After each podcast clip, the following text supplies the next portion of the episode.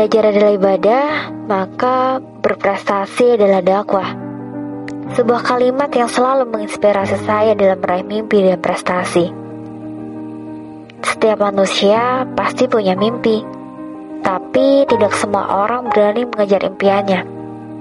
Perasaan takut gagal, kecewa, putus asa akan selalu ada ketika kita menjalani kehidupan. Tapi, jika perasaan itu tidak dilawan, maka akan semakin sulit untuk meraih impian, dan kita akan kalah dengan bayang-bayangan kita sendiri. Oleh karena itu, sebelum kamu benar-benar yakin untuk meraih mimpi dan tekad, kamu harus menguatkan niatmu. Dibutuhkan juga strategi, usaha, dan jangan lupa selalu melibatkan Allah dalam setiap langkah. Mimpi semanis coklat berproses pahit kopi. Kayaknya kalimat ini cocok deh untuk menggambarkan arti sebuah perjuangan. Karena tidak semua orang mau merasakan pahitnya proses. Hanya orang-orang tertentu saja dengan tekad kuat yang mampu bertahan dengan kepahitan. Dan salah satu orang tersebut adalah aku. Iya, aku. Indah Priyanti. Panggil aja Indah. Seorang muslimah dari keluarga sederhana dan jauh dari kemewahan. Oh ya, alhamdulillah nih. Aku diberi kesempatan untuk menikmati bangku kuliah. Dan ini merupakan nikmat yang sangat luar biasa. Aku sangat berterima kasih pada orang tuaku karena sudah susah payah banting tulang menguliahkanku. Dan aku janji tidak akan menyanyiakan perjuangan mereka. Dan sekarang aku sudah semester 7. Cepat banget ya waktu. Perasaan baru kemarin. Doain aja aku. Semoga aku bisa cepat lulus di semester ini dan bisa meraih mimpi-mimpi yang lebih besar lagi selain ini.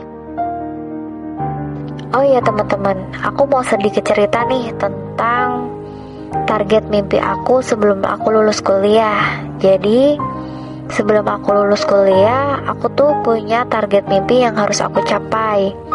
Nah, target mimpinya itu ada 10 dan 10 target mimpi itu udah aku tulis di stick note dan aku tempel di dinding kamar.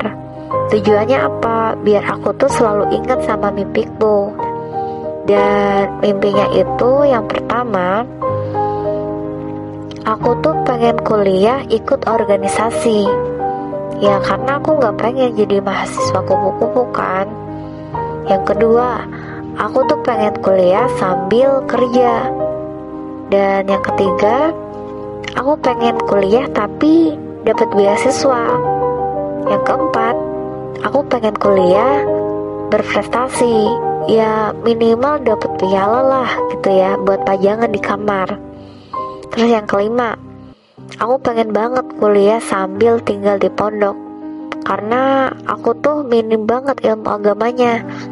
Jadi aku pengen memper, memperdalam ilmu agama aku di pondok pesantren. Terus yang keenam, aku pengen banget kuliah ikut program exchange ke luar negeri karena aku tuh belum pernah ke luar negeri jadi aku pengen banget ikut exchange mumpung aku masih kuliah kan terus yang ketujuh aku pengen banget kuliah lulus cepet tiga setengah tahun dengan IPK kumlot. Yang kedelapan sebelum aku lulus aku tuh punya angan-angan harus punya tabungan minimal 10 juta. Gak tahu deh ini bakalan terrealisasikan atau enggak Tapi semoga saja bisa ya. Terus yang kesembilan Aku pengen bangun komunitas untuk kaum duafa dan anak yatim Yang ke sepuluh Aku pengen kuliah sambil usaha sendiri Nah, itu adalah 10 target mimpiku yang harus aku kejar dan harus aku raih sebelum aku lulus. Terus, gimana Ninda? Bisa nggak kamu ngeceklistin satu-satu mimpimu gitu? Ya aku ikhtiar lah usaha untuk meraih mimpiku. Yang pertama nih, cita-cita yang pertama, kuliah ikut organisasi. Alhamdulillah, kalau mimpi yang ini udah kesampaian. Karena pas semester 1 itu aku kuliah, daftar kuliah langsung cari UKM yang berbasis agama. Dan alhamdulillah ketemu UKM-nya namanya BAI, Badan Amalan Islam. Dan di sana aku banyak banget dapat ilmu. Banyak banget juga dapat teman-teman yang solih dan soliha yang semoga saja bisa menjadi teman satu surga insya Allah amin terus yang kedua kuliah sambil kerja bisa gak sih seorang Indah Prianti seorang muslimah dengan jilbab panjang lebar kuliah sambil kerja? Tapi aku tuh gak pengen kerja di itu gak pengen kerja yang abal-abal. Aku tuh pengen kerja di perusahaan. Biasalah anak muda gengsinya tuh masih tinggi cita-citanya masih idealis gitu ya.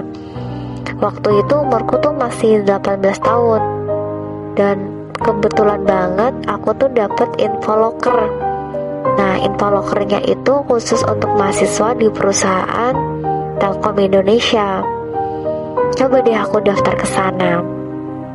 Ya insecure sih. Insecure-nya karena aku yang pertama masih bocil.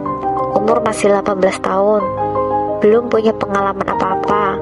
Masih kuliah. Tiba-tiba mau ngelamar kerja aja saingannya D3, S1 kayak gitu ya. Tapi Alhamdulillah karena tekadku kuat aku semakin memberanikan diri gitu ya. Pas datang ke kantor pun rasanya aneh banget. Aku ngelihat teman-teman pakainya kemeja rapi pakai sepatu keren-keren. Terus mereka S1, S2, D3 nah sedangkan aku datang-datang pakai gamis putih pakai jilbab syari.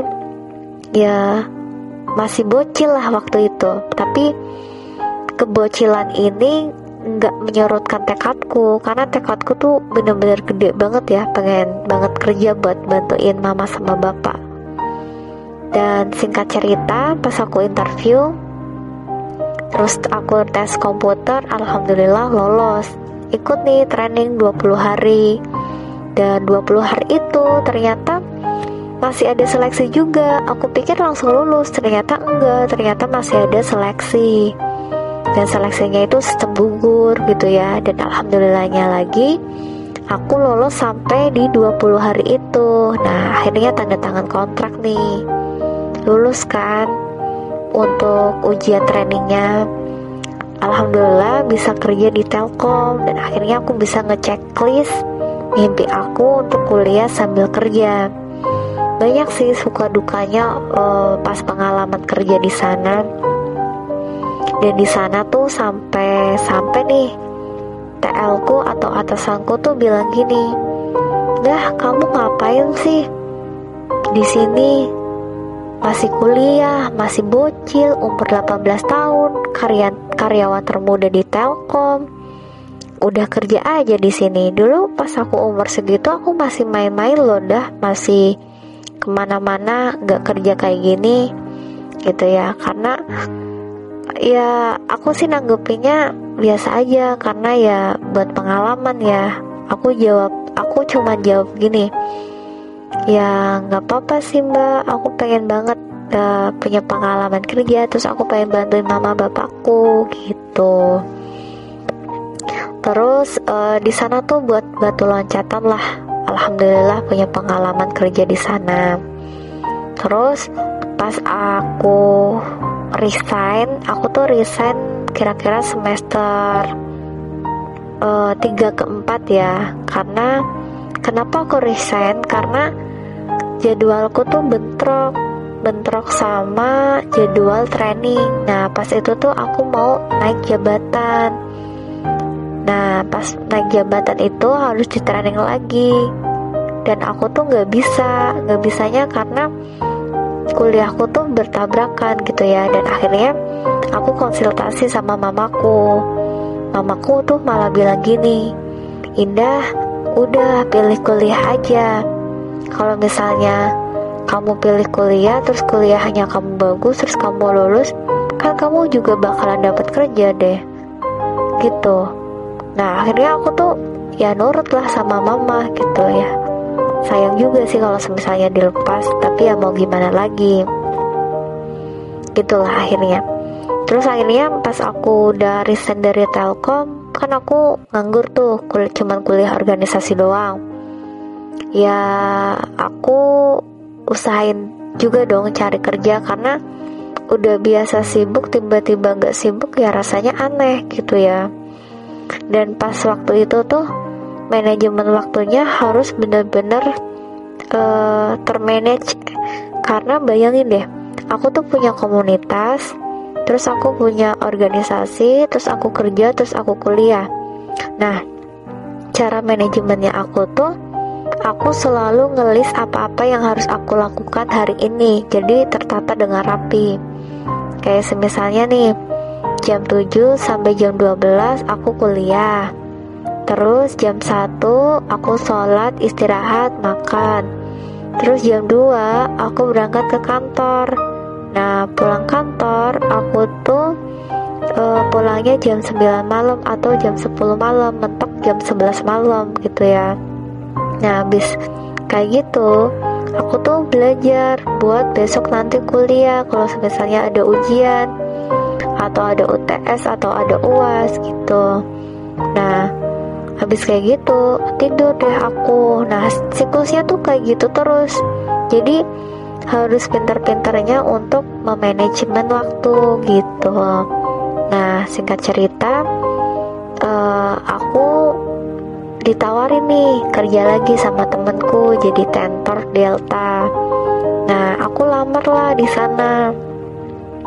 Aku bawa surat lamaran dan di sana tuh langsung dites. Aku pikir nggak ada tesnya ya karena tentor. Ternyata ada tesnya gitu. Nah, singkat cerita, aku diterima lagi dan di sana alhamdulillah aku jadi tentor sosiologi buat kelas 11 dan kelas 12 gitu ya lumayan sih buat nambah-nambah pengalaman. Nah, alhamdulillah udah ke checklist nih. Mimpi dan target yang kedua. Dan yang ketiga, target mimpiku kuliah dapat beasiswa. Karena menurutku tuh kuliah tanpa beasiswa tuh berat banget ya teman-teman Ya, karena aku bukan anak orang kaya, jadi aku sebisa mungkin meringankan beban orang tuaku gitu. Nah, aku tuh ikhtiarnya gini. Aku selalu uh, cari info-info tentang beasiswa. Uh, mungkin ada nih 5 atau 6 yang aku masukin buat pendaftaran beasiswa gitu. Aku daftarin semua pokoknya kalau misalnya ada info tentang beasiswa aku langsung cekatan langsung mau daftar gitu.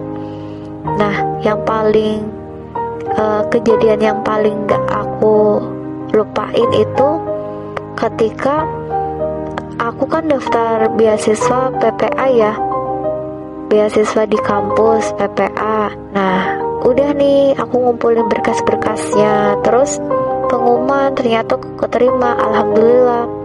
Udah aku tanda tanganin semuanya kontraknya tinggal terima uang beasiswanya aja. Eh pas mau pencairan tiba-tiba aku dikabarin kalau misalnya aku nggak lolos gitu ya.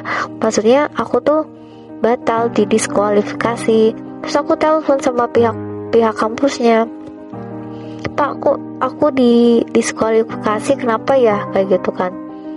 Ya ini dek maaf banget. Ternyata uh, eh, KTP-nya kamu tuh nggak bisa masuk. Soalnya tulisannya karyawan swasta. Aku tuh di sana langsung cek ya Allah cuman gara-gara KTP gitu ya. Aku pun ada kesalahan ya karena KTP ku tuh tulisannya statusnya karyawan swasta. Nah di sananya tuh salah cetak gitu. Dan di situ aku nangis lah. Siapa sih yang gak nangis? Udah senang-senang tiba-tiba dijatuhin gitu kan. Terus udah sampai situ sedih deh pokoknya. Kayak tiga hari aku tuh masih sedih gitu ya. Sampai akhirnya temanku tuh bilang gini udah dah gak usah sedih. Kalau semisalnya ini rezekimu pasti Allah itu akan gantikan yang lebih baik lagi gitu. Nah udah nih. Akhirnya aku udah gak, gak sedih lagi. Aku main Instagram buat menghibur diri. Tiba-tiba aku dapet pengumuman namaku tercantum di beasiswa aktivis Salman ITB bayangin ya Allah seneng banget ternyata bener Allah itu lebih tahu apa yang terbaik untuk kita gitu ya. Dan itu luar biasa sih. Jadi aku tuh merencanakan dapat beasiswa ini tapi Allah gantikan dengan beasiswa yang luar biasa. Dan sampai saat ini aku masih menerima beasiswa itu. Pokoknya aku terima kasih banget deh sama ridho Allah ya aku sangat berterima kasih juga dengan beasiswa Salman yang sudah mau menerima aku gitu ya. Jadi cal calon beasiswanya dan beasiswanya sampai saat ini gitu.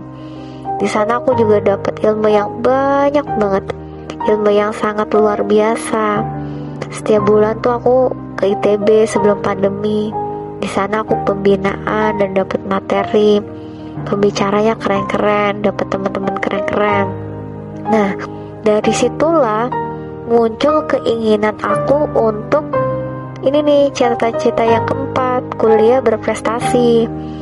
Nah kuliah berprestasi ini gara-gara teman-temanku tuh yang anak-anak ITB dan anak-anak UI pokoknya anak semua anak-anak universitas di Indonesia tuh prestasinya keren-keren teman-teman beasiswaku.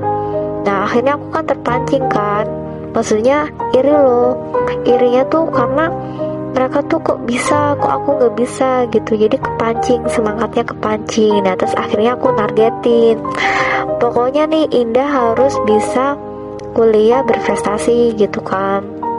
Nah sampai akhirnya target mimpiku yang keempat ini kuliah berprestasi ini aku ikhtiarkan dengan cara aku mengikuti lomba-lomba semua lomba pokoknya aku ikuti tapi nggak semua juga sih. Maksudnya lomba-lomba yang uh, berbasis kayak nulis gitu semuanya aku ikutin gitu. Nah suatu ketika ada nih lomba dari kampusku. Nah lomba itu tuh lomba tentang isai ya. Nah aku coba coba nih. Itu pertama kalinya aku ikut lomba isai. Sebelumnya nggak pernah ikut cuma nulis doang tapi nggak diikuti lomba buat beasiswa aja. Nah singkat cerita aku ikut isai itu di kampusku lomba isai itu tahun 2019 tahun 2019 dan akhirnya alhamdulillah menang juara tiga. Seneng banget bisa menang. Karena uh, aku bisa menceklis target mimpiku yang keempat gitu dan ini teman-teman kan akhirnya kan aku ketagihan kan. Ketagihan ikut lomba terus akhirnya aku ikut lomba lagi. Ikut lomba isai lagi. Nah ikut lomba isai lagi tuh tahun yang sama tahun 2019 nah tapi tingkatannya udah tingkatan nasional. Nah, lombanya itu di UNES ya kalau nggak salah. Dan alhamdulillah aku di sana juara tiga gitu bersyukur banget bisa punya pengalaman seperti itu. Nah terus ternyata pas di, sem di semester berapa ya semester 4 itu ada lomba juga lomba entrepreneur gitu. Nah pas di lomba entrepreneur itu aku pun iseng ikut. Nah ternyata ideku tuh kepilih dan jadi juara juara tiga juga gitu. Jadi selama kuliah ini aku punya tiga prestasi gitu ya yang pertama entrepreneurship, yang kedua isai, yang ketiga isai juga nasional gitu. Alhamdulillah bisa ke checklist untuk kuliah berprestasinya. Terus yang kelima, target impianku itu aku tuh pengen kuliah sambil tinggal di pondok pesantren. Nah, mimpi ini tuh udah sejak sudah ada sejak aku semester 1. Jadi uh, namanya orang pengen belajar ilmu agama ya menggebu-gebu banget. Pokoknya pengen banget haus banget haus sama ilmu gitu. Tapi dilalahnya di semester 1 sampai 3 sampai 4 lah. Aku tuh nggak bisa mondok karena kegiatan di kampus tuh padat banget sama aku kan masih kerja dulu gitu. Nah terus akhirnya pas ini aku pernah nazar gini. Aku pernah berazam gini Ya Allah kalau semisalnya Indah dapat beasiswa Indah bakalan mondok gitu kan. Eh iya beneran. Pas Indah udah dapat beasiswa Pas aku udah dapat beasiswa Aku tuh langsung melaksanakan uh, nazarku gitu ya Menepati janji sama Allah. Dan akhirnya aku kuatkan tekad untuk bisa mondok. Nah di semester 5 ini aku mondok di pesantren Ade Nuriyah 2 gitu Alhamdulillah bisa ke checklist juga jadi aku pancing dengan nazar gitu ya Alhamdulillah bisa menceklis kuliah sambil tinggal di pondok pesantren dan belajar ilmu agama di sana. Terus yang keenam, aku tuh pengen banget bisa ikut program exchange ke luar negeri karena aku tuh belum pernah nih ke luar negeri jadi pengen banget belajar di sana tentang agama Islam di sana tuh kayak gimana gitu ya. Nah cara aku ikhtiarinnya itu dengan aku mengikuti program-program yang dari luar kampus. Nah kebetulan di semester ini aku ikut program IICC gitu ya program exchange. Dan insya Allah aku uh, November ini insya Allah berangkat dan insya Allah aku mau uh, mempersiapkan diri. Semoga sih pandeminya udah kelar ya. Jadi aku bisa menceklis mimpi dan tujuan aku di target yang keenam kuliah ikut program exchange ke luar negeri. Doain ya teman-teman. Semoga nanti di bulan November ini aku bisa berangkat. Nah terus yang ketujuh nih aku tuh pengen banget kuliah uh, lulus di tiga setengah tahun ya dengan IPK kumplot. Nah cara aku ikhtiarinnya aku uh, pokoknya di semester tujuh ini aku ngambil semua uh, mata kuliah sama ngambil semua tugas akhir. Pokoknya aku ambil semua di semester 7 supaya aku bisa lulus tiga setengah tahun gitu. Dan saat ini alhamdulillah aku sedang KKI magang. Terus aku tuh sedang kerjaan skripsi laporan magang sama ikut kuliah online gitu. Jadi minta doanya ya teman-teman. Semoga dimudahkan dan dilancarkan. Dan alhamdulillah IPS uh, semester lalu itu 4,00 aku pun gak nyangka ya ini adalah sebuah keberkahan kuliah online gitu ya gitu teman-teman Nah, untuk yang cita-cita yang ke-6 dan 7 belum aku bisa aku belum bisa aku checklist karena masih on progress. Doain semoga bisa cepet aku checklist ya. Terus yang ke-8, aku tuh uh, pengen banget sebelum lulus punya tabungan minimal 10 juta. Nah tabungan ini nanti buat jaga-jaga aku loh teman-teman. Maksudnya kalau misalnya orang sambil nunggu kerja kan harus punya uang buat ke sana kemari. Nggak mungkin dong minta ke orang tua nggak enak.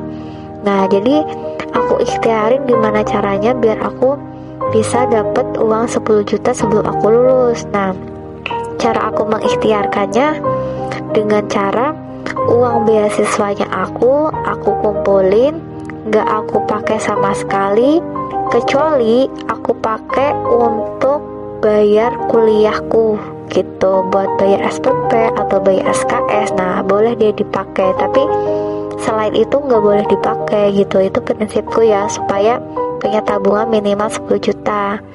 Dan untuk saat ini tabunganku tuh masih setengah 10 juta. Jadi kurang setengahnya lagi. Doain semoga bisa uh, sampai 10 juta ya teman-teman. Nah untuk mimpi yang ke-8 ini juga masih on progress Belum bisa aku checklist. Semoga sebelum lulus aku bisa melaksanakannya dengan baik. Gitu. Terus yang ke-9 aku tuh pengen banget kuliah sambil bangun komunitas untuk anak-anak kaum duafa gitu. Jadi dan alhamdulillahnya yang aku ikhtiarin ini aku sama temanku kebetulan punya satu misi. Nah akhirnya aku tuh akhirnya aku itu bisa mewujudkan mimpi bangun komunitas ya untuk duafa dan anak yatim. Nah nama komunitasnya itu Siklus Foundation. Jadi kita memberikan beasiswa untuk anak-anak yatim atau kaum duafa khususnya anak-anak SMA gitu yang kurang mampu supaya mereka bisa kuliah gitu. Ibaratnya kita tuh penyalur penyalur donatur gitulah. Dan alhamdulillah bisa ke checklist untuk mimpi yang ke-9 gitu. Terus yang ke-10 nih. Yang ke-10 itu kuliah punya usaha sendiri Nah, kalau yang ini aku tuh pernah usaha pas waktu kuliah. Nah, usahaku tuh jualan salad sama temenku, tapi uh, di lalanya ada problem. Terus akhirnya kita berhenti dan belum diterusin. Nah, doain ya teman-teman semoga usaha aku ini bisa aku bangun kembali dan bisa berjalan dengan lancar gitu. Nah, itulah semua mimpi-mimpiku. Jadi masih setengah perjalanan gitu ya. Doain. Pokoknya aku tuh minta doa dari kalian gitu ya, semoga dilancarkan. Nah, dari sini bisa diambil pelajaran bahwa kita tuh harus punya tekad yang kuat untuk mewujudkan mimpi kita. Karena kalau semisalnya kita hanya bermimpi dan tidak mewujudkannya, itu sama aja kita sedang tidur gitu ya. Tidurnya ya cuma mimpi-mimpi bohongan gitu. Jadi ayo bangun dan kejar mimpimu gitu. Nah, gitu aja teman-teman. Pengalaman dari aku tentang uh, mimpi dan cita-cita. Mimpi semanis coklat dan berproses pahit kopi. Semoga uh, sharing ini bisa menambah apa ya menambah pengalaman buat teman-teman ya karena kita di sini sharing ilmu gitu itu aja teman-teman uh, kalau misalnya ada salah kata atau aku ngomongnya kecepatan mohon maaf ya Oke, wabillahi taufiq walhidayah. Wassalamualaikum warahmatullahi wabarakatuh. Bye.